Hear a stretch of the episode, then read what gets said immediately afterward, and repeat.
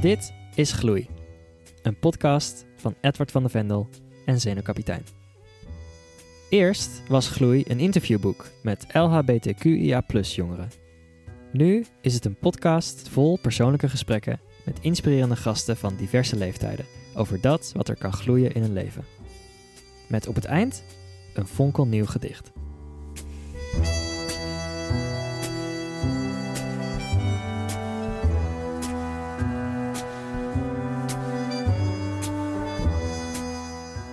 Jens Geerts gebruikt de voornaamwoorden zij en haar. Is een bekende Vlaamse, is presentatrice van Oud TV, personal trainer, deskundige op het gebied van het Eurovisie Songfestival en felverdedigster van LHBTQIA rechten. En verder is ze een transvrouw die nog niet zeker weet of ze ooit ook in fysieke transitie zal gaan. Jens, eh, vijf jaar geleden ben je getrouwd. En dat was nogal een openbaar uh, huwelijk. Dat wil zeggen dat volgens mij waren jullie een van de eerste wiens huwelijk op uh, Facebook te, te, Ja. te volgen was. Ja, En zelfs nu nog kun je gewoon op YouTube jouw ja-woord, jullie ja-woord zien. van jou en je man Robin. ja, ja. Waarom deden jullie dat zo, zo openbaar? Nou, ehm, kijk, wij eh, waren verplicht om te trouwen in het gemeentehuis waar we, eh, van de gemeente waar we wonen. Ehm, alleen was dat gemeentehuis best klein. En we hadden, ja, zowel Robin als ik, wij kennen heel veel mensen. ehm, en je hebt sowieso je familie en vrienden die je erbij wil. Maar je hebt ook een beetje de, de verplichte mensen, weet je wel. Als je eh, connecties maakt en, en in het werk, ja, dan, dan ben je ook verplicht je collega's en de mensen waar je mee samenwerkt ook wel uit te nodigen. Maar dat ging allemaal niet. Dus dacht ik, nou kijk, ik, eh, ik ben van plan om maar één keer te trouwen. Ik wil er best wel een groot evenement van maken. Als we er dan toch een feestje van maken, dan eh, en, en willen we iedereen erbij hebben. Dus dan kwamen we op het idee, nou laten we gewoon een Facebook-evenement van maken. En ehm, we streamen het live en mensen die het willen volgen, en die kunnen er misschien niet bij zijn, maar die kunnen het perfect volgen. En uiteindelijk, ja, heeft het toch eh, bijna 100.000 mensen bereikt. Wat, wat ik echt frappant vond, omdat je dat voor Vlaanderen is dat echt een, een standaard tv-programma. Eh, dus, dus ja, eh, misschien heeft het ook te maken omdat mensen toen dachten, toen was ik nog niet uit de kast. ehm, het zijn twee mannen, eh, wat in Vlaanderen toch ook best wel nog altijd wel een dingetje is. Wordt toch nog steeds als anders, jammer genoeg, beschouwd. En niet volgens de norm. Dus ja, ik denk dat veel mensen ook wel zoiets hadden. Nou, dat willen we wel meemaken, dat willen we wel bekijken. Maar het was een heel leuke dag gewoon. En eh, ja, het is ook heel, heel fijn, omdat je... We hebben toen ook een eh, cameraman uitgespaard. dus ja, alles was gewoon live te streamen op Facebook. En dat, eh, dat is gewoon heel fijn. Af en toe bekijk ik het zelf ook wel. Niet voor volledig ding, maar eh, gewoon nog even de vows en de geloftes die we aan elkaar hebben gegeven. En denk ik, ja, nou, ik heb een goede keuze gemaakt. Ja, maar wat, wat zie je? Want ik, wat zie je in jezelf als je dan Oh daarnaar ja, nou, dat, nou, naar mezelf kijken vind ik wel heel moeilijk. Ik kijk, als ik kijk naar, naar dat soort filmpje, ook naar onze trouwfoto's bijvoorbeeld, dan focus ik vooral op Robin. Robin, mijn man. Dat is, ja, dat is mijn grote liefde nog steeds. Ehm, en hij maakt me gewoon heel blij. Maar als ik naar mezelf kijk, dat probeer ik wel te negeren. Of, of ja, dat is een soort van waas of een filter die ik er dan overheen gooi, denk ik dan, of zo, mentaal. Ehm, want ja, dat is best moeilijk. Omdat ik ook als eh, klein eh, meisje, klein kindje dan, altijd ook wel gedroomd heb van een witte jurk en een beetje prinsessenbruiloft. En, en dat is nog wel iets waar ik nog wel van droom. Ik geloof ook wel, nu is het moment nog niet, maar ik geloof ook wel dat dat er ooit nog gaat komen. Als we, daarom dat ik zeg, ik, dan, dan kijk ik terug naar die gelofte en dan denk ik wel, dan droom ik wel terug van, oh, het zou mooi zijn mocht binnen een aantal jaar, als we bijvoorbeeld, nou, tien jaar of twintig jaar getrouwd zijn, om een intiemer moment of een intiemere setting dit opnieuw te kunnen doen, maar dan wel in de outfit of ja, op de manier hoe ik het wel volledig zie voor mezelf dan. Eh, en daar praat ik met Robin ook nog eh, wel regelmatig over. En, en hij, hij vindt dat dan ook prima om, om dan ja, terug een beetje te hertrouwen of zo. Maar dat is gewoon een nadeel aan heel laat uit de kast komen, ja. Ja, want laten we eerst vertellen wat er een paar dagen na het huwelijk gebeurde. Eh, ja, dan, dan ben ik inderdaad in elkaar gestort. Dan ben ik echt. eh, en dat kwam ook omdat ik de eerste foto's krijg je dan binnen. Ook van vrienden die fotootjes en filmpjes hebben gemaakt. En allemaal heel leuk. Maar toen daagde het me wel. Oh, dit is toch niet helemaal hoe ik mijn huwelijksdag had voorgesteld. En ja, weet je, je kan je altijd vragen waarom zit je zo lang in de kas. En, maar dat is, eh, dat is net zoals homoseksualiteit. Ehm, als je voelt dat je omgeving daar ook niet heel supportive in is, of actief supportive, dan, dan ja, was dat voor mij heel moeilijk. En ik heb, dus het klinkt misschien heel raar om te zeggen, maar ik ben altijd best populair geweest als de boy next door. Mensen bekijken me ook een beetje als, weet je, Jens is leuk en ziet er leuk uit. En niet te mannelijk, maar ook niet te vrouwelijk. En het is ja, gewoon een gezellige babbel. En ik ben daarin meegegaan. Maar op een bepaald moment stond ik zo ver van mezelf en was ik echt een typetje dat ik eh, echt doodongelukkig werd. En toen heb ik het ook eh, een paar dagen na mijn huwelijk ook aan, aan Robin verteld. En die reageerde ook zo mooi. Omdat, nou, ik, ik, ik weet niet of het manisch was, want ik ben nooit eh, bij een dokter geweest. Of eh, die heeft er nooit een diagnose gesteld. Maar ik had wel mood swings. Eh, Soms was ik super euforisch en super happy. En andere momenten kon ik plots heel down zijn. En voor Robin was dat toen ik zei dat ik, dat ik eigenlijk een vrouw ben in een mannenlichaam, viel de puzzelstukken voor hem in elkaar. En was dat plots, nou, nu begrijp ik jou. Nu, nu snap ik het. Het ligt niet aan mij. Het, het, het is, je, je worstelt gewoon met iets intern. En ik wil jou daar heel graag bij helpen. Zijn eerste reactie, zijn eerste woorden waren echt: Oh, als het dat maar is. Weet je wel? Eh, ik dacht al dat je mij. eh, eh, dat je kanker hebt of, of dat, dat je me ging verlaten. Voor, dat je uiteindelijk toch voor iemand anders gekozen hebt een paar dagen na ons huwelijk of zoiets. Dat waren zijn doemscenario's. En dit was voor hem helemaal geen issue. Dit was voor hem eerder, oh, hier komen we wel uit. We, zijn onder we waren toen ehm, tien jaar samen, denk ik, of negen jaar samen. En voor hem is het Jens waar hij voor gekozen heeft, is het de persoon. En ja, weet je, het uiterlijk was voor hem mooi meegenomen, maar dat maakt niet meer echt zo heel veel uit of zo. En ja, zo, zo ben ik eigenlijk uit de kast gekomen, ja. Laten we even een beetje terug in de geschiedenis. Je hebt een, eh, in een andere podcast een, een, een, een verhaal verteld over je, je kleutertijd. Ja. Je heel gelukkige kleutertijd eigenlijk, Ja. in vergelijking Ja. met latere. En daar zit één beeld bij, dat moet je even vertellen. Dat is zo'n bijzonder beeld en dat is hoe jij je sneeuwwitje voelt. Oh ja, nou, ik had, eh, we hadden een buurvrouw en eh, mijn ouders zijn, ja, zijn ook alle twee, eh, ja, werken zeer, zeer hard, zeer veel. Dus we gingen regelmatig naar de buurvrouw die dan op ons paste. Maar ze had een hele mooie glazen koffietafel, rechthoekig ding.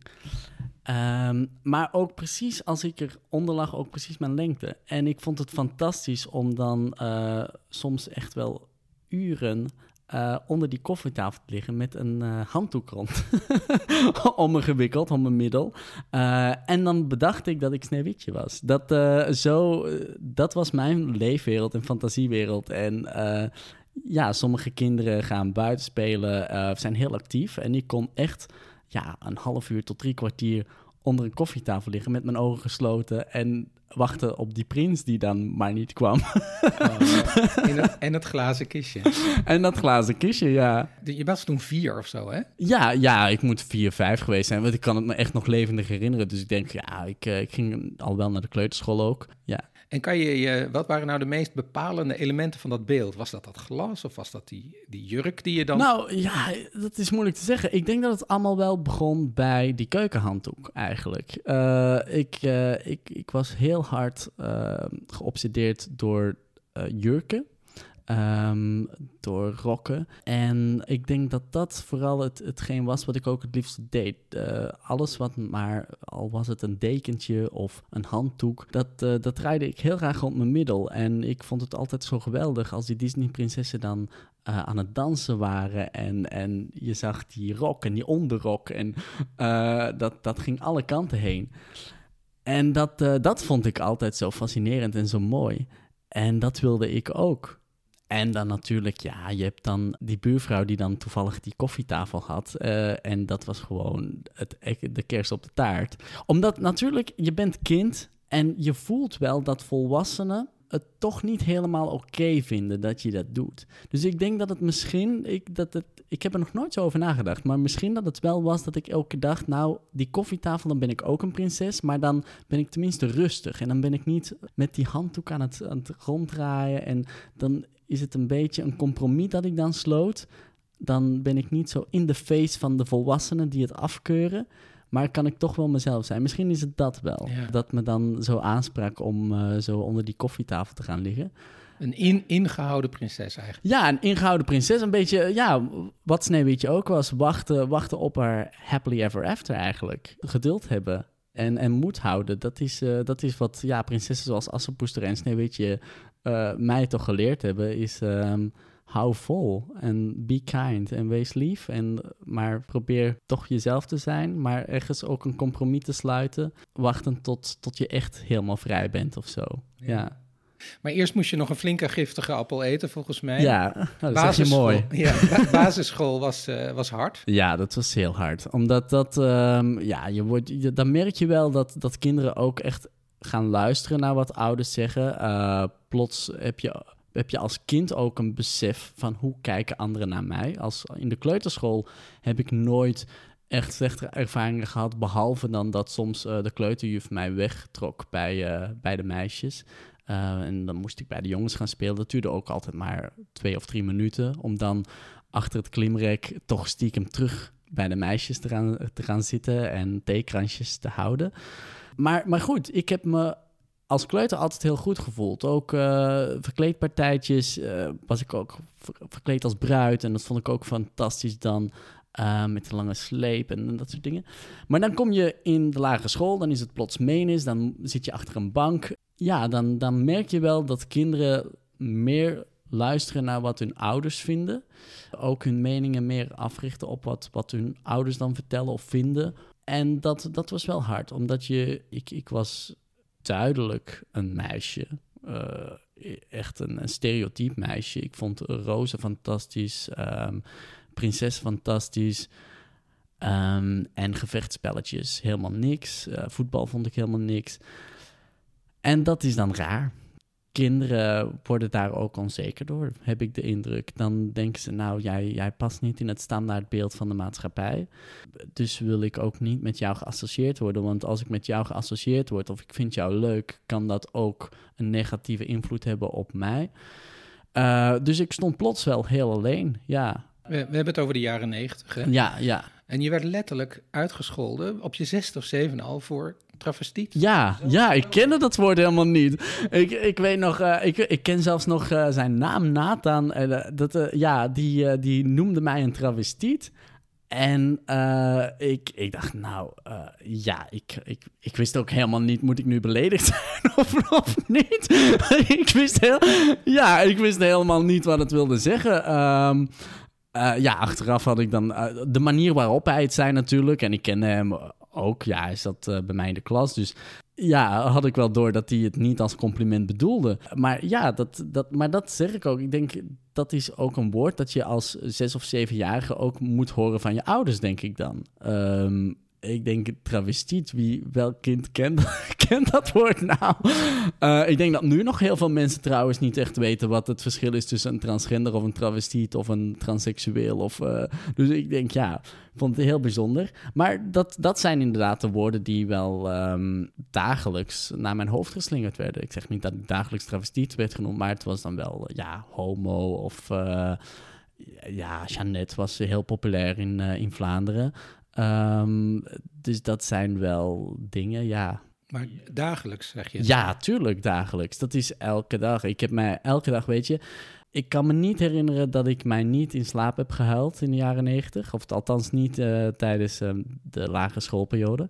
En ik, her- ik kan me echt het gevoel zelfs... Ik kan het nu nog ophalen hoe mijn keel voelde elke keer als ik van school kwam. Omdat ik mijn tranen zo moest inhouden dat mijn keel schor was gewoon. Van ja, het in jezelf huilen. weet je, dat, dat ging ook van, van kleine dingen. Dat, dat ze dan ehm, op handen en voeten achter me gingen staan. En dan gaf iemand me een duw en dan viel ik achterover. En dan liepen ze naar de, de juffrouw om te zeggen dat ik hen gepest had. En dan, weet je, dat soort dingen. En eh, of met mij niet uh, als, als we de brooddozen moesten gaan halen uit uh, de refter. Of, dat moest altijd per twee gebeuren, maar dan wou mijn partner nooit, nooit meegaan. Moest ik altijd de mand alleen dragen. Dat soort, weet je, dat soort kleine pesterijen. Of op mijn kleren tekenen tijdens het sporten. als ik in de gym zat of zo. Dan, En ja, dat, dat als, als kind, dan, dat zijn je alleen voelen of alleen staan is sowieso al moeilijk. Maar als je als kind moet opgroeien en, en je moet zelf nog heel veel leren en sowieso school vind ik al moeilijk. Ja, je leert zoveel. Dat was best zwaar. Dat was echt heel heftig. Ja. ja wie, wie kwam er in deze hel voor jou op? Um, nou, ik, kan, uh, ik had één leraar zedeleer. Ik herinner me nog dat we... Ja, het was ook een katholieke school. Dus um, we waren ook maar met een, een, stuk of zes, zeven mensen die dan echt zedeleer volgden. Zedeleer is wat wij godsdienst noemen, denk ik? Uh, nee, nee. Godsdienst, godsdienst is... Um, zedeleer is... Ik ben atheïst. Dus het is eigenlijk... Uh, ja, alles wat niet met religie te maken heeft. Dus ja, dat is... Maar dat is moraal... Uh, moraal, ja, moraal, ja. ja. Ik denk dat dat uh, zo... Dat, dat jullie dat moraal noemen. maar nee, goed. en op een bepaald moment ben ik in tranen uitgebarsten. Ik weet niet meer wat de trigger was. waarschijnlijk omdat het over pesten ging of zo, weet ik veel. In ieder geval, midden in de klas begin ik te huilen. En ben ik ook de klas uitgelopen richting de toiletten. Um, en toen heb ik wel een heel goed gesprek gehad, of constructief gesprek met... Um, ja, de leraar moraal dan. Uh, en die heeft dat dan wel aangekaart. Maar dat was al in het zesde leerjaar. En dat was ja, een paar maanden voor ik uh, zou afstuderen aan de lagere school. Dus ja, veel heeft dat ook niet echt uitgemaakt. Ik weet nog wel dat toen ik mijn diploma moest gaan halen... dat hij dan wel naar mij kwam en zei... nou, jij, jij bent blij dat je weg bent, denk ik. En ja, dat was dat. ja. Dat was de enige erkenning die er, dat, die er was ja, van deze dat, ja, ja, goed. Dat, maar dat, uh, weet je, je, het is wat je zegt. Het is de jaren negentig. En de jaren negentig zijn best conservatieve jaren geweest. Je hebt de jaren zeventig flauw power gehad en alles ging goed. En dan kwamen de jaren tachtig, had je plots die AIDS-epidemie. En als tegenreactie heb je dan sociaal gezien... Nu spreek het echt over heel heel breed. Maar sociaal gezien ja, zijn de mensen in de jaren 90 terug allemaal in de kast gekropen. Al die boybands waren plots allemaal hetero. En uh, ja, homoseksualiteit was niet meer bespreekbaar. Want je had die AIDS-pandemie, die werd geassocieerd met homo zijn. Of homo zijn werd geassocieerd met AIDS. En dat was plots terug marginaal. Het was, de vrije liefde bestond niet meer. Mensen werden allemaal terug monogaam. Man en vrouw werd het standaardbeeld. Of uh, dat werd nog extra versterkt natuurlijk. Dus ja, de jaren negentig vond ik, uh, ik vond het fantastisch wat muziek betreft. ja, groot fan van de Spice Girls. ik ben een heel groot fan ja, van de ja, Spice Girls. Zij hebben trouwens de Spice Girls. En dat is ook de reden waarom ik een groot fan ben. Omdat hun muziek mij effectief wel op de been heeft gehouden. Hoe? Nou, zij, zij uh, hadden het over girl power. En uh, girl power is a state of mind. En dat is iets wat ik altijd heb onthouden. Ik denk dat het Jerry was die echt zei van... nou, maar zelfs uh, jongetjes kunnen girl power hebben. Wat zij eigenlijk... Hoe ik het heb geïnterpreteerd is... nou, kijk, het maakt niet uit welke geslacht je hebt. girl power zit in je hoofd. En het is een kracht die voor iedereen van, van tel is. Maar ook hun teksten gingen altijd over positiviteit... over volhouden, over... ja, en dat vond ik gewoon geweldig, ja. Toen Jerry dat over girl power zei, toen was je tien? Ja, zoiets. 10, 11 jaar, denk ik. Ja, ja, ja. Dus naast de, de docent zedeleer was zij eigenlijk een nog een grotere verdediger. Ja, ja ik, uh, ik, ik heb ooit ruzie gemaakt met mijn leraar. omdat, omdat die... Uh, ik, ja, Spice Girls waren voor mij... Het waren godinnen. En uh, zei, nou, dat is allemaal marketing en dat is commercieel en schrijven hun eigen nummers niet. En dan heb ik echt, ben ik met al mijn cd'tjes, toen nog cd'tjes, naar de klas gegaan en heb ik gekeken, kijk, kijk eens bij de credits. Daar staan al hun namen bij. nou ja, weet je, dat is omdat, ja, ik, ik vind, ik kende ze niet. Ik ken ze nog niet, uiteraard. Maar ik, uh, ja, zij waren wel voor mij de reden om vol te houden. Ik dacht echt, nou, als zij want zij kunnen ook niet echt fantastisch zingen. Maar ik denk, als zij het kunnen maken, dan kan ik het ook maken. Uh, niet zozeer wat zingen betreft, maar gewoon eerder van... ik kan volhouden. Dat was het voor mij. Als, als meisje kan ik het redden. Ja, als meisje kan ik het redden. En ik vind, ik vind mijn weg wel. Ik moet nu gewoon echt, wat jij zei, door die, die, die zure of die giftige appel bijten. En ik moet gewoon nu volhouden. Komt echt een betere tijd. Dat is exact wat ik uit hun teksten leerde. Ja, ja. Heel, heel veel eh, mensen die, die steun nodig hebben in, in uitstel, dus die moeten denken van later wordt het beter, denken dan aan de universiteit. Ja. Bij jou, dat is heel bijzonder, in jouw bio, denk ik dat de redding eigenlijk op de middelbare school kwam. Ja, het is, dat, is, dat is waar. Dat is een, een redding, maar ook een vergiftigd geschenk geweest, Ja. achteraf gebleken. Omdat ehm, de eerste jaren van de middelbare school werd ik niet zozeer gepest, maar ik was wat, wat we dan in Vlaanderen noemen een een, een nerd, echt. Ehm, vooral gefocust op ehm, mijn ouders pleasen, goed studeren. Ik, ik, ik ben nooit super intelligent geweest, laat dat eh, ehm, geen misverstand zijn, maar ik, ik deed wel heel hard mijn best. Het is pas nadien, toen ik ontdekte dat ik goed kon lopen, dat ik eh, goed kon rennen, dat ik daar iets mee gedaan heb, dat ik plots ook een, een ja, weet je, je zit in de puberteit, dus je lichaam begint zich ook te ontwikkelen. Ik had plots een sixpack, ik had, eh, weet je wel, eh, biceps, die, eh, die kwamen ook naar boven. En plots werd ik populair bij de meisjes. En omdat ik populair werd bij de meisjes, werd ik ook populair bij de jongens. En ja, ik, ik was een soort van idool op, op school. Ja, dat, iedereen heeft het wel zo'n beetje de popular, de popular kids. En ik, ik was een van hen plots. En ik vond het zo fantastisch, omdat ik natuurlijk echt door die hel ben gegaan in de, in lagere school. Ik dacht, nou, dit is, dit is echt geweldig. Dus ik, ik voelde heel goed aan wat mensen wilden van me. En wat ik hen kon geven. En dat gaf ik hen ook. Maar dat zorgde er natuurlijk voor, omdat zij, zij zagen mij als die leuke homo. Weet je, die leuke, aantrekkelijke, ehm, mannelijke homo. Want je kwam uit de kast toen je 16 was, hè? Ja, Zoiets. ja, ja, nou ja, ik, ik, eh, ik had mijn eerste ervaringen rond mijn 14, maar publiekelijk kwam ik uit de kast rond mijn 16. En ehm, ja, dat, eh, dat, dat was geweldig. Eh, iedereen op school kende mij. Heel grappig nog, ik, ik kwam nu bij de apotheker trouwens, om de hoek. Dat was de eerste keer dat ik er binnenkwam. En die vrouw zei, nou, jij bent toch Jens? Oh, kennen we elkaar? Nou ja, wij hebben samen op de universiteit gezeten, maar jij zat in het eerste jaar en ik zat eh, in het vierde of vijfde jaar.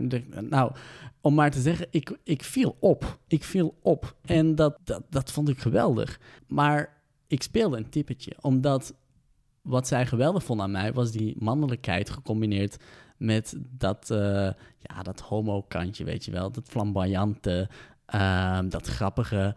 Eh, en ik, ik speelde daar, ik pikte daar telkens op in. En ik probeerde het el- telkens uit te spelen. Maar ik, wat ik niet door had op dat moment, is dat ik eigenlijk een, een karakter was aan het creëren. Ik vergelijk het altijd met, eh, ja, ehm, Loes van de Heuvel is hier in België een grote actrice, maar zij heeft ook een karaktertje, Carmen, Carmen Waterslagers. En dat is ook, dat staat mijlenver van wie Loes echt is. En dat is een beetje wat er met mij ook gebeurde. Ik, ik speelde constant een karakter, een, een tv-karakter of een filmkarakter, dat mensen leuk vonden.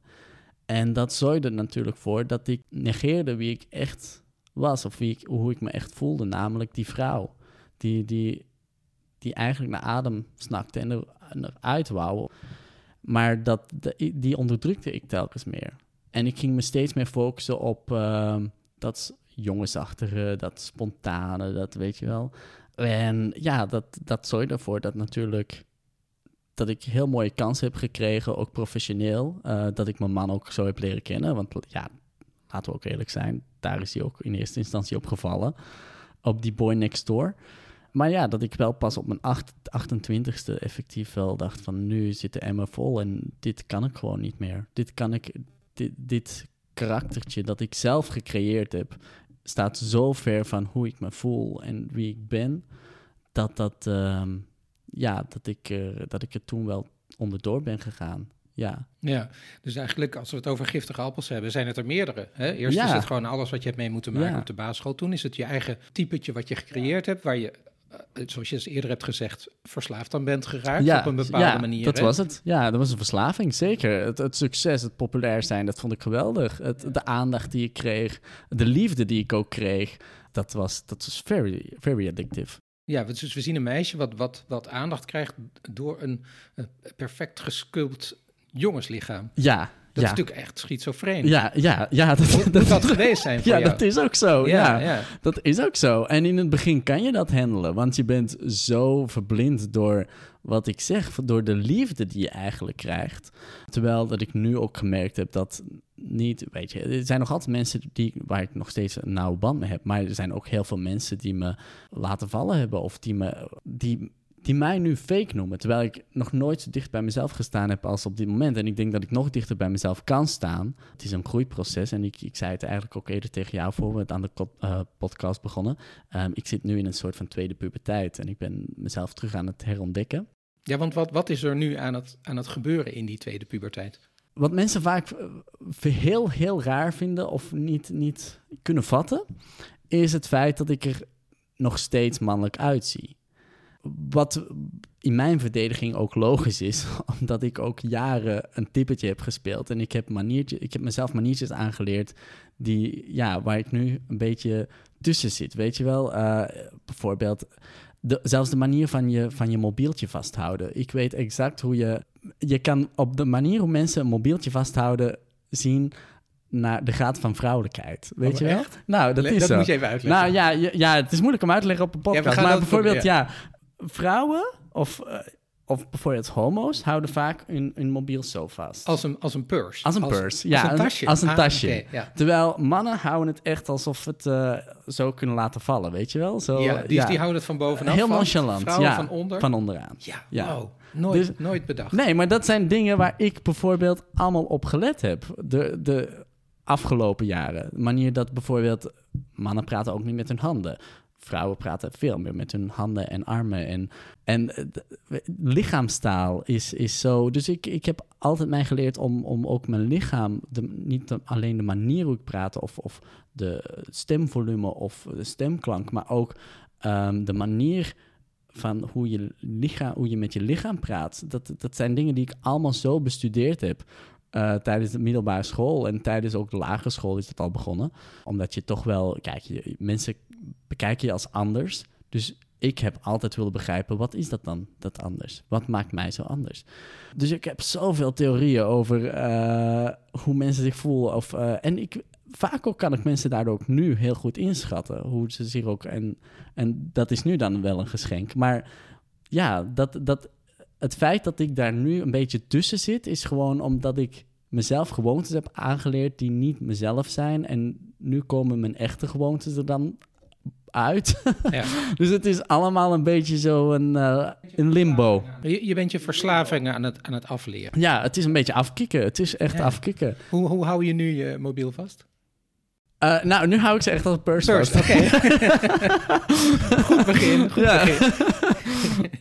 maar niet iedereen in Nederland zal je misschien helemaal kennen, maar je bent best een bekende Vlaamse eh, al, al, al een tijd. Eh, zeker eh, mensen die, die het interessant vinden om naar AutoV te kijken. Wat Ja. in jouw verslaving betekende waarschijnlijk in die tijd ook dat je, je bent ook model geweest. Ja, Toen je stage wilde lopen bij een heel groot en bekend reclamebureau hier in Antwerpen, heb je posters van jezelf in de stad opgehangen Ja. waar je vrijwel naakt op stond. ja, Hè, je hebt een typetje, de, de naked nerd heb je verzonnen, die ja, als, als een bewijs aan, aan dat bureau van je moet, je moet mij inhuren, is ook gelukt geloof ik. ja, inderdaad. Dus als we het hebben, jij zegt net, ik heb dat bestudeerd, je hebt het inderdaad bestudeerd. En je hebt, je hebt het helemaal uitgebuit ook bijna. Ja, ja, zeker. Ja, omdat wat jij eigenlijk mooi zegt is, het was een verslaving. Ehm, ik heb een lange tijd geen liefde gekend. Of toch, dat is ja, hoe ik het voelde. Ook als ik naar huis ging, voelde ik me niet thuis. Dat is de belangrijkste les die ik ook altijd jonge ouders wil meegeven. Twijfel niet over je kind. Ouders hebben vaak angst en dat is niet altijd slecht bedoeld, maar hebben angst dat hun kind het niet zal maken of hebben angst dat hun kind verstoten zal worden of geen vrienden zal hebben. Als je als ouder die angst laat varen, zal je kind veel gelukkiger zijn. Want kinderen worden eenmaal gepest. Het is een harde wereld. Dat moet je niet verbloemen. Maar als je een thuishaven hebt waarbij je als kind weet, nou, hier ben ik onvoorwaardelijk of kan ik onvoorwaardelijk zijn wie ik ben, zonder judgment, zonder angst, zonder ehm, dat ouders verwachtingen hebben van mij, dat maakt het zoveel makkelijker. Als ik dat had, nou, ik wil, mijn ouders, zei- ik heb een heel goede band nu met mijn ouders, eh, eh, ja, we'll get there. maar eh, ik wil maar zeggen, er is op dit moment alleen maar liefde voor mijn ouders. Maar er is ook wel een tijd geweest dat dat niet zo was. En omdat mijn ouders juist ook die angst hadden. What will the neighbors say? Weet je wel? Ja. En dat is eigenlijk hetgeen wat het nog moeilijker maakt. Omdat je, je leeft constant als kind onder stress. Omdat je als anders wordt beschouwd. En dan kom je thuis en dan leef je onder stress. Omdat je het gevoel hebt dat je niet voldoet aan de verwachtingen van je ouders. Dat je je ouders teleurstelt. Dat je ouders toch onzeker zijn of van je eigen kunnen. Zelfs al zeg je dat niet, dat, dat voel je als kind ook heel goed aan. Wanneer een ouder toch niet zeker is of jij wel je weg gaat vinden in het leven. En dat is zo belangrijk als ouder, dat je gewoon een soort van blind geloof moet hebben in de talenten, wat die talenten ook zijn. Ik denk, ieder persoon heeft een talent. Het is gewoon een kwestie van vinden en zoeken, maar dat als je, geef, geef je kind ruimte en je kind vindt wel zijn, haar of hun eigen passie. En dat is eigenlijk wat ik aan ouders vooral wil meegeven. Wees gewoon niet angstig. Laat geen angst zien aan je kind en laat het ook niet voelen. En dan komt het wel goed, sowieso. Dat is het allerbelangrijkste. Maar wat was je vraag ook alweer? nou ja. Nou, wat ik me afvroeg, als je nou terugkijkt naar, dat, naar die jonge vrouw die die, die verslaving had, hè, die, die, die dus wist met dit eh, knappe uh, boy next door lichaam en met het knappe boy next door gezicht, kan ik een heleboel voor elkaar krijgen. Als je naar die vrouw kijkt, ben je dan nu achteraf hard tegen die vrouw? Neem je haar iets kwa kwalijk? Nou ja, ik heb wel een tijdje, en dat heb ik misschien nu nog een beetje hoor, dat ik teleurgesteld ben over het feit dat ik het, dat ik het zo lang gerokken heb. Dat uh, voor mezelf dan. Maar goed, ik denk, je kan altijd denken, wat als. Het is gelopen zoals het is gelopen. En ik, uh, ik heb het gewoon zo lang mogelijk volgehouden tot er echt een punt kwam dat ik dacht, nou, nu moet ze eruit of anders ben ik er niet meer. Dat was het gewoon. En ik heb het trolletje gespeeld tot het, ja, tot ik er echt onderdoor ging. En zo is het moeten lopen. Ik kan, ik kan wel achteraf zeggen, nou, ik had, het, ik had er vroeger misschien moeten zeggen. Ik had sterker moeten zijn. Maar het, het is ook, je moet ook zelf die inzichten kunnen hebben. Ik denk dat ik meer inzichten had als kleuter over mezelf dan als puber. ik, als puber had ik echt, ik, ik denk geen moment dat ik nog aan, aan die vrouw dacht. Ik was gewoon zo bezig met, oh, die populariteit en mijn vrienden en iedereen wilde bij me zijn. Ik, kon op, ik was op elk feestje aanwezig en ik vond het geweldig. Dus ik, ik had, ja, ik was blind voor die vrouw. Die, ik, ik zag die vrouw helemaal niet staan. Dus ik denk ook niet, het had nooit gekunnen. Ik had nooit toen echt mezelf kunnen zijn, omdat ik uh, zo verblind was rond dat uh, typetje. Uh, dus ja, goed, ben je, ben je kwaad op die vrouw? Nee, nee. Ik, kan, ik weet dat ik het die vrouw nu moeilijker gemaakt heb. Dan, het is altijd makkelijker om uit de kast te komen of om, om jezelf te zijn. Van hoe vroeg in je leven, dat is gewoon zo. Dat is als homoseksueel ook zo. Het is veel makkelijker om uit de kast te komen als je 14 of 15 bent dan wanneer je ondertussen al 30 of 40 bent. Omdat, ja, je hebt een leven opgebouwd. Uh, mensen hebben ook weer verwachtingen van je. En plots moet je gaan zeggen, nou, ik heb eigenlijk een leven geleefd dat niet helemaal ik ben. Dus dat is altijd moeilijker, ja. En dat is nu in mijn geval ook moeilijker. Um, als we dan bijvoorbeeld gaan praten over in transitie gaan ja, als mensen aan mij vragen, wil je, ja, dan wil je een vrouwlichaam? Tuurlijk wil ik een vrouwlichaam. Ik denk, elke persoon die transgender is, of gewoon elke vrouw, wil zich zo vrouwelijk mogelijk voelen, denk ik. Maar ik, ben, ik sta er ook heel realistisch in. Ik weet dat voor de natuur mij dit lichaam gegeven heeft. En dat in transitie gaan ook ja, bepaalde voorwaarden heeft. Eh, het, is, het is niet zo dat ik plots als ik in transitie ga en een jaar later eruit kan zien als Emma Roberts of Britney Spears. In haar goede tijd. Want, dat is je beeld, hè? Ja, dat is, dat is mijn beeld. Uiteraard wil ik er een jaren 90 of begin 2000 Britney uitzien. Uiteraard. Of, of gewoon een, weet je, een, een klassevrouw uh, zoals Emma Roberts. Vind ik, ja, Emma Roberts vind ik, is voor mij in mijn beeld een heel, heel mooie vrouw. Actrice. Een actrice, ja. Tuurlijk wil ik dat. Maar dat is niet realistisch. En dat is nu de vraag: waarin wil ik compromissen gaan sluiten? want je kan in transitie gaan, je kan een geslachtsoperatie bijvoorbeeld gaan. Maar wat gaat dat doen met mijn seksleven? Wat gaat, gaat dat doen met mijn orgasmes? Wat gaat het doen ja, met mijn huwelijk, bijvoorbeeld? En dat zijn, dat zijn dingen waar ik rekening mee wil houden en waar ik momenteel ook niet te haastig in beslissingen in wil nemen. Ehm, dus ik neem het stap voor stap. Ik heb mezelf aanvaard nu. Ik ben vrij eerlijk. Ik sta vrij eerlijk in het leven wat betreft mijn identiteit. En, en dat vind ik op dit moment belangrijk. En ehm, ja, dan, dan zien we wel. Ik, het gaat stapsgewijs. Ik bedoel, ik, ik, ik ga nu al werken in hakken bijvoorbeeld, in, uh, in pumps. Ik durf nu zelfs ook kleedjes dragen. En ik, ja, ik, ik, ik laat het komen zoals het komt. Dat is eigenlijk een beetje hoe ik, uh, hoe ik er nu in sta. Ik wil niet rushen. Ik wil gewoon, het moet goed voelen. En um, ja, als je dan mij vraagt, ga je ooit in transitie? Ja, die kans bestaat. De kans bestaat ook misschien helemaal niet. Dat, uh, daar ben ik op dit moment nog niet. Nee, nee. nee. Maar de, de, de hakken, die draag je al een tijdje, Ja, hè? ja, ja. ja. En ook soms de hele dag. Ja, vind ik heerlijk. Ik weet dat je acht uur lang in de kou op Måneskin ja, hebt gewacht, maar al die tijd je hak hebt aangehouden. absoluut. Ik wilde ze niet uiten. Mijn cameraman zei, Jens, doe ze het gewoon uit. Doe ze gewoon uit. Ik zei, nee, nee. Ik heb ze, ik heb ze jaren nooit durven dragen. En nu draag ik ze. Ik vind mezelf fabulous. Ik, ga, ik doe ze niet uit. Ook al, ja, tot bloedens toe zelfs. Maar dat is gewoon, ja, Het was buiten het hotel van Måneskin, de Ja, Italiaanse ja, ja, ja. songfestivalwinnaar. ja, Ja, en jij, jij ging gewoon wachten en ja. je liet je, je voeten boeten. Ja, ja, nou, voeten boeten. Ik denk, als je, als je mooi wil zijn, moet je lijden. Eh, nee, dan, eh, ja, nee, maar dat, dan voel ik me zo in mijn element en zo in mijn sas. En ik weet ook gewoon, dat geeft me zelfvertrouwen. Ehm, en als je bijvoorbeeld een Måneskin, dat die net nog maar een paar uur uitgeroepen zijn als de winnaar van het Songfestival, dan heb je gewoon eh, al je moed en je kracht nodig. En ik dacht, nou, dit is gewoon...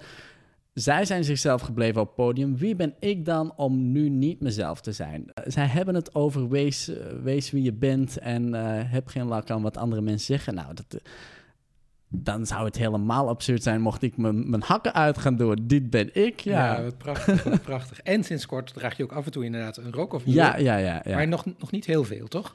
Nee, eh, het is, eh, ik, ben, ik vind het heel moeilijk. Ik, ik vind, ja, als, als vrouw, maar ik denk dat niet per se met, met man, vrouw of non-binair te maken heeft. Het, het, ik denk gewoon mensen willen zichzelf versieren of eh, ja, de best mogelijke drag zijn. Want uiteindelijk, wat RuPaul ook zegt, alles, alle kleding, wat jij, jij bent ook in drag, dat is ook een, ja, dat zegt iets over jou. You're all Ja, born ja, ja. naked and the Ja, rest is drag. Ja, ik bedoel, de, de kleding die je draagt zegt iets, is een vertaling van je identiteit of hoe je je voelt, vind ik. Dus ik vind ook, als ik dan een, een rok draag, momenteel is het heel moeilijk om dat te combineren met een mannelijk uiterlijk. Weet je wel, heel veel kleedjes zijn ook natuurlijk op maat van cisgender vrouwen.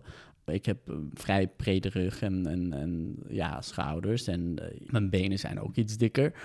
Dus het is niet altijd even gemakkelijk om een match te vinden met vrouwenkleding dan. Eh, waar ik ook helemaal geen voorstander van ben. Want ik, ik, ik denk bij mezelf, nou, we zijn 2021. Waarom hebben een mannen- en een vrouwenafdeling? Of waarom noemen we dat zo? Weet je, waarom hebben we niet gewoon een, een, ja, een, een feminine en een masculine afdeling of zo? Zonder daar echt een, een geslacht of een gender op te plakken. Ja, en het toppunt was dat je ook nog genomineerd bent geweest Ja. afgelopen jaar voor de Best Dressed Man. Ja, ja dat, eh, dat, dat, dat vond ik ook heel bizar. Daarom dat ik ook... eh, Kijk, ik, ik was heel geflatteerd, omdat ik word ook gekleed door, door mensen. Dus ik heb twee sponsors, namelijk eh Strelson en WeFashion. Dat is hun verdienste.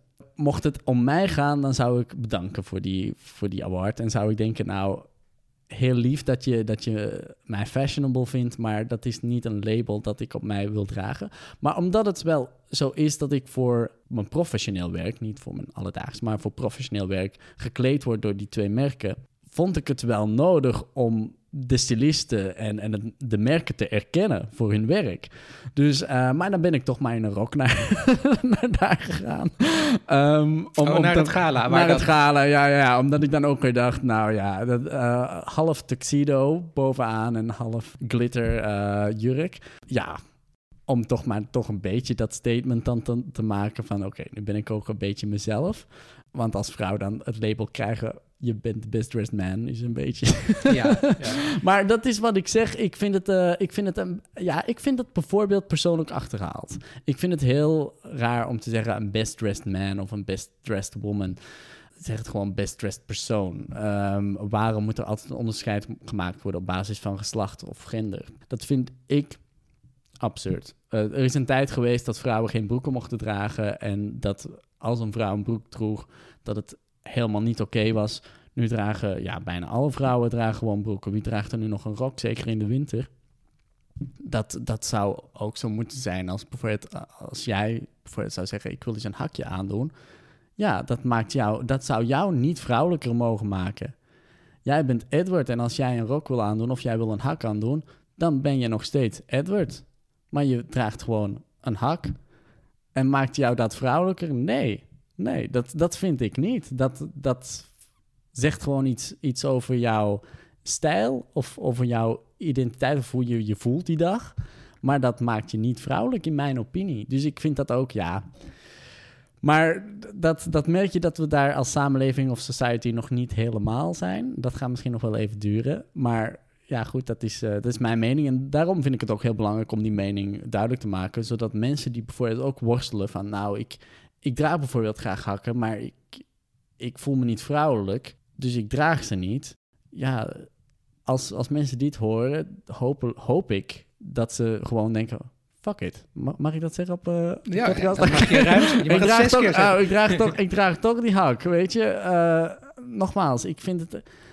Kleding, het is allemaal cultureel bepaald. En in een parallel universum kan het zomaar allemaal anders zijn.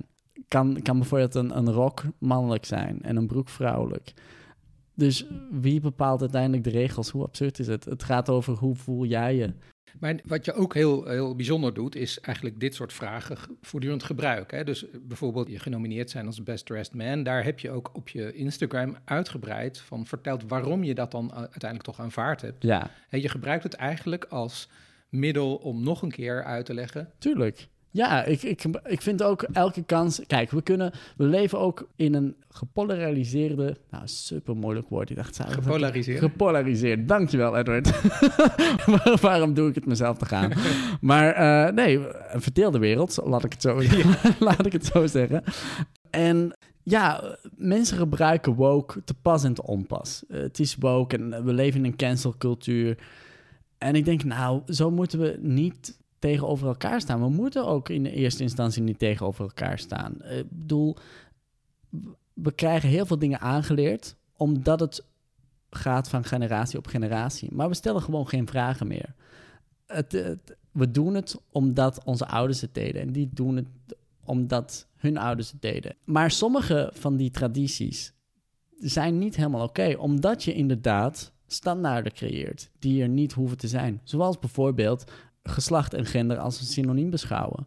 Of geslacht en gender als een binair concept beschouwen. Namelijk, er bestaat enkel zoiets als man en vrouw.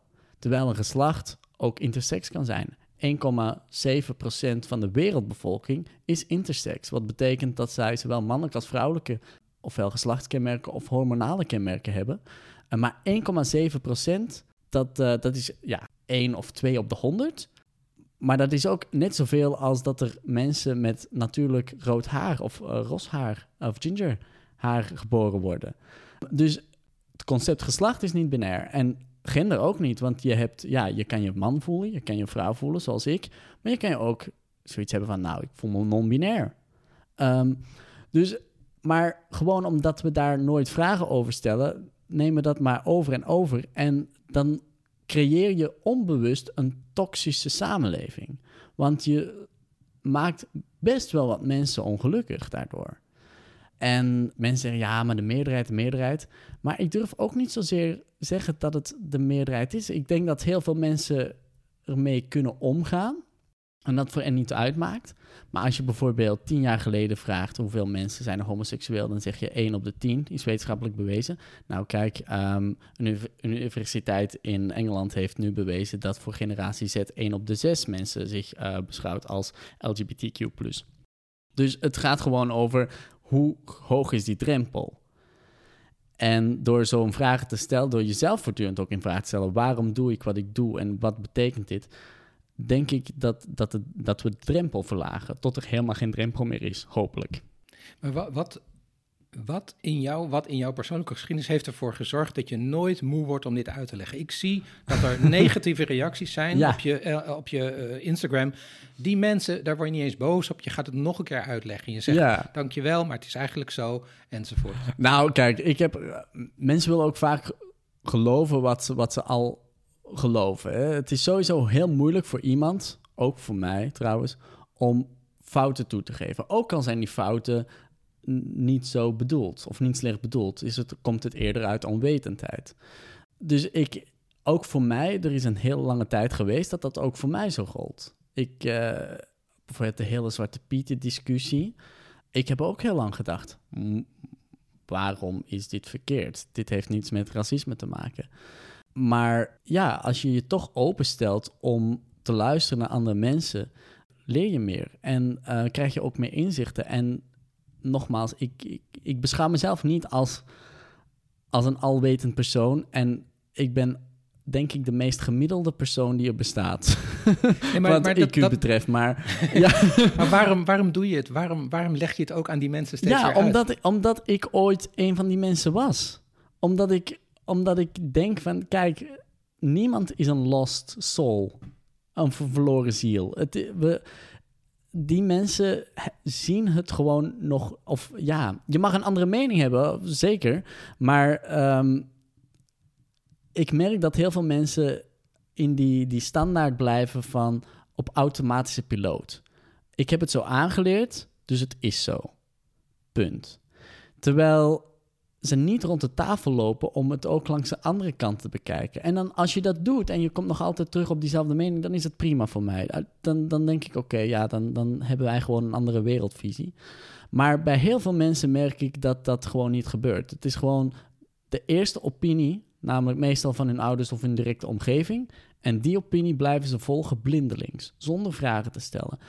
En zo iemand ben ik ook geweest. En het is omdat mensen toch energie in mij staken om te laten inzien dat het belangrijk is om een probleem of een issue of een maatschappelijk gegeven langs zoveel mogelijk kanten te bekijken, dat ik nu ben wie ik ben en dat ik nu ook een, ja, een empathischer vermogen heb. En het verrijkt je gewoon alleen maar. Het is, eh, nogmaals, ik, zelfs, eh, zelfs ik, ook ik maak fouten. Zeker, nog dagelijks. Nog dagelijks. En vooral als het ook gaat over non-binaire personen. Ik, vind het ook nog steeds moeilijk om mensen te, aanspreken met hun of hen bijvoorbeeld. Maar ik, ik weet dat ik er wel kom. Het is gewoon een kwestie van, oké, je bewustwording, eh, je best doen. En maak ik een fout, dan excuseer ik me. Ehm, En we move on. Eh, tuurlijk, het, het gaat, de fouten maken is niet erg. Het, maar hardnekkig vasthouden aan iets toxic, omdat je je fout niet wil toegeven of je, je wil gewoon niet naar de ander luisteren van waarom ben jij gekwetst of waarom raakt dit je? Nou, dat is wel fout. En dat is niet oké, omdat je dan inderdaad krijg je een toxische samenleving. En dat moet je niet hebben. Ik moet een beetje afronden, maar als we teruggaan naar tradities, is er nog iets in jou dat streeft naar sneeuwwitje zijn? Ik ben Sneeuwwitje. nee, nee, ja, elke dag. Ik bedoel, eh, ik, ik, ik, ik voel me echt een, een prinsesje in, dat, in, dat, eh, in die zin dat ik... Ja, er is één ding, dat klinkt misschien heel, heel vreemd en heel lullig en zelfs infantiel misschien. Maar Assepoester leefde echt volgens... Wees lief voor mensen, heb respect voor mensen en heb moed. En dat is hoe ik wel in het leven sta. Als ik ook een moeilijke dag heb, dan denk ik altijd: heb moed. Wees trouw aan jezelf. Tuurlijk, je je moet je niet laten doen. Ik bedoel, als je, als je met een, een pester. Maar ik denk, je moet je ook niet gaan verlagen tot die pester. Ik denk dat ik, ik probeer het één keer duidelijk uit te leggen waarom. Of tot inzicht te komen met de persoon die mij dan pest. Of die mij niet wil aanvaarden zoals ik ben. En als dat niet lukt, oké let it be. Laat jij ongelukkig en destructief zijn. Prima, ik weet wie ik ben. Ehm, maar dat is, dat is eigenlijk wat ik eh, wel leer van Assepoester. ja. Ja, wat fijn. Dankjewel Jens voor dit heel mooie gesprek. ja, dankjewel Edward.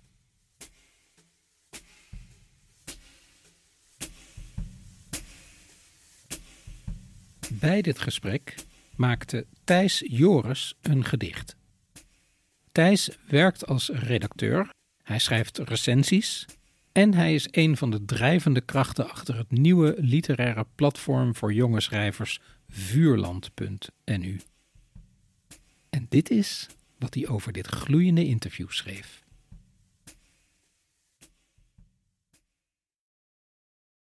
Girl power is a state of mind. Een vrouw snakt naar adem en een schoon laken. Een handdoek mag ook, maar wel een grote die goed past en plooit om haar middel, zich soepel wikkelt om haar lichaam. Haar mooie mannenlichaam. Haar bestemd voor de ogen van mooie mannenlichaam. Haar bekend van de posterlichaam. Haar populaire lichaam. Haar binaire lichaam haar joviale homo-lichaam, haar verslavende lichaam, haar compromislichaam, haar al dan niet verander, maar niet meer voor een ander lichaam. Een vrouw wil met een doek om haar middel gaan liggen als een prinses, stil. En dat de stof dan plooit, gewoon zoals die valt.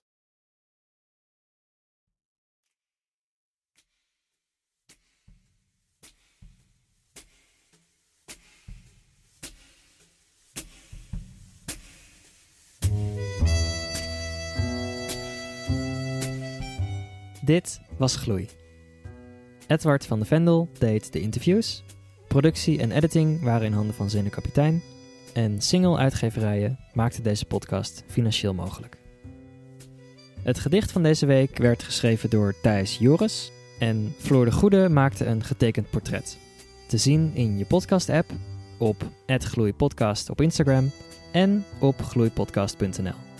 Daar vind je ook de tekst van het gedicht, ons mailadres en alle afleveringen bij elkaar.